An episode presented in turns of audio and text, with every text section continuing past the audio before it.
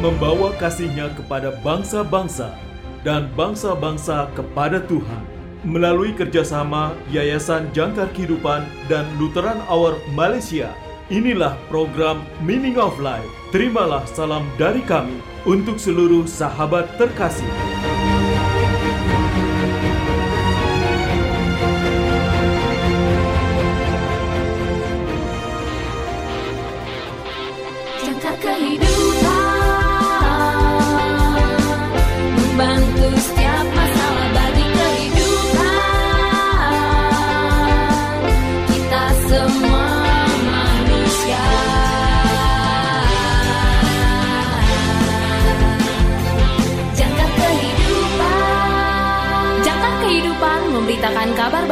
Buat kita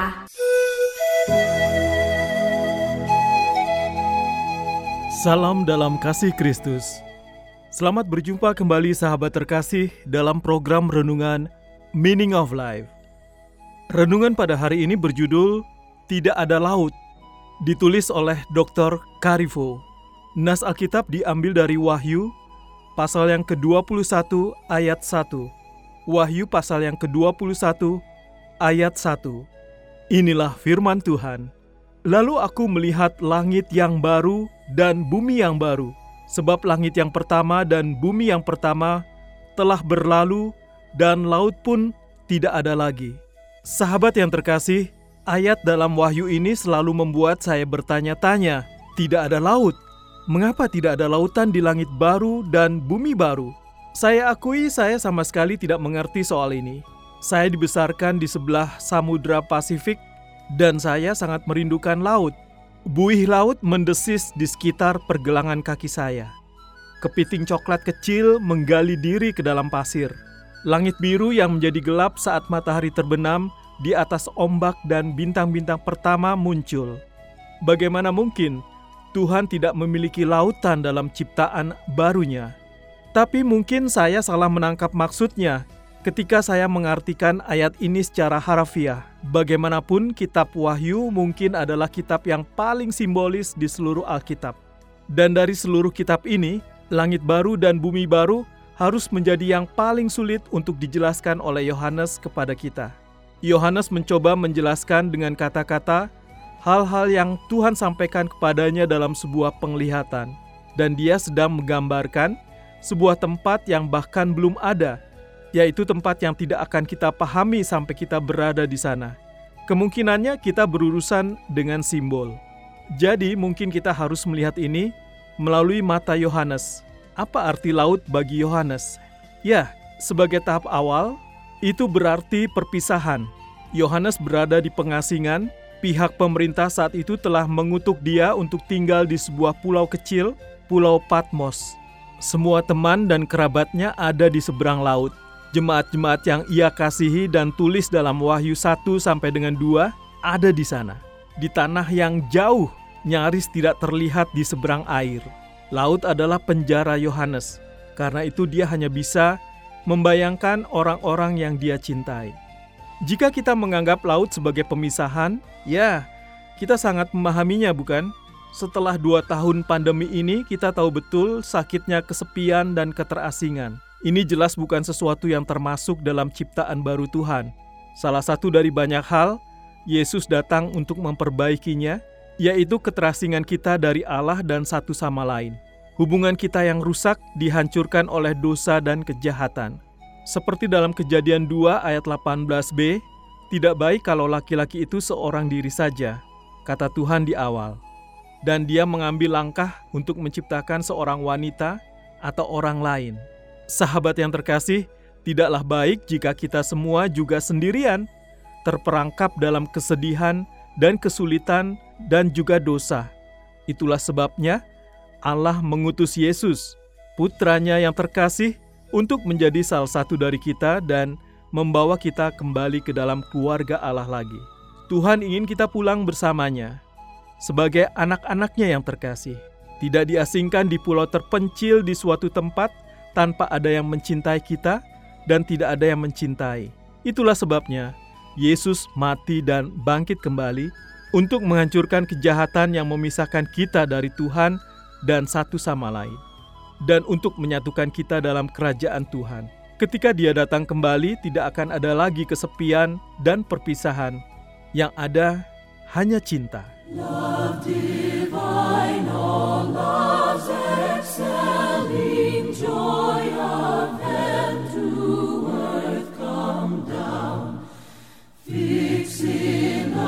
Son.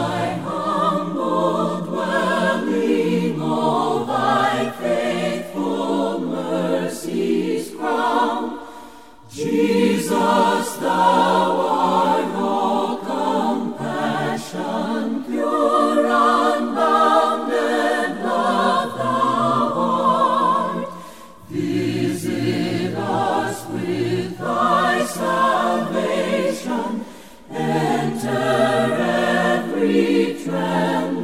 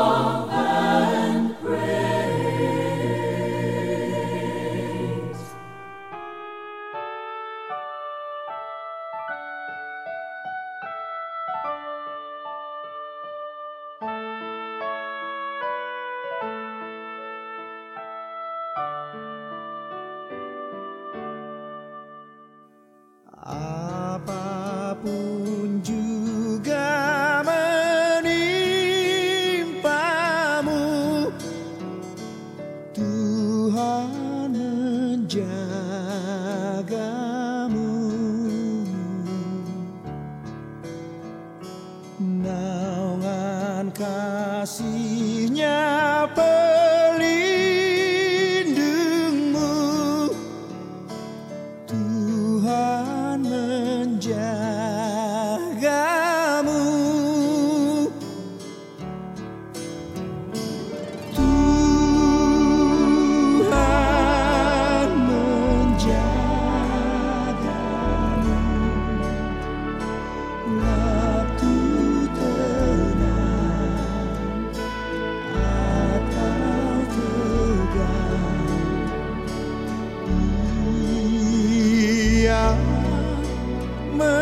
Yeah.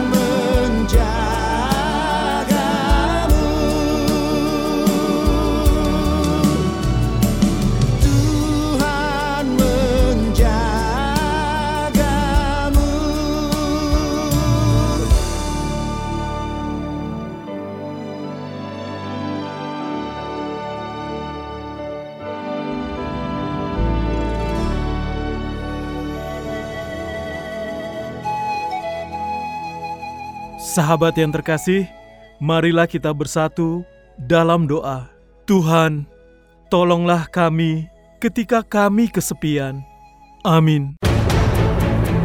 Terima kasih, saudara sudah mendengarkan program Meaning of Life, persembahan Yayasan Jangkar Kehidupan dan Lutheran Hour Malaysia. Bagi saudara yang berada di Indonesia dan membutuhkan dukungan doa, hubungi Yayasan Jangkar Kehidupan di nomor 0853 10568008 0853 10568008 dan bagi saudara yang berada di Malaysia, hubungi Lutheran Hour Malaysia di nomor plus 6017 2011 681 plus 6017 2011 681. Tuhan Yesus memberkati.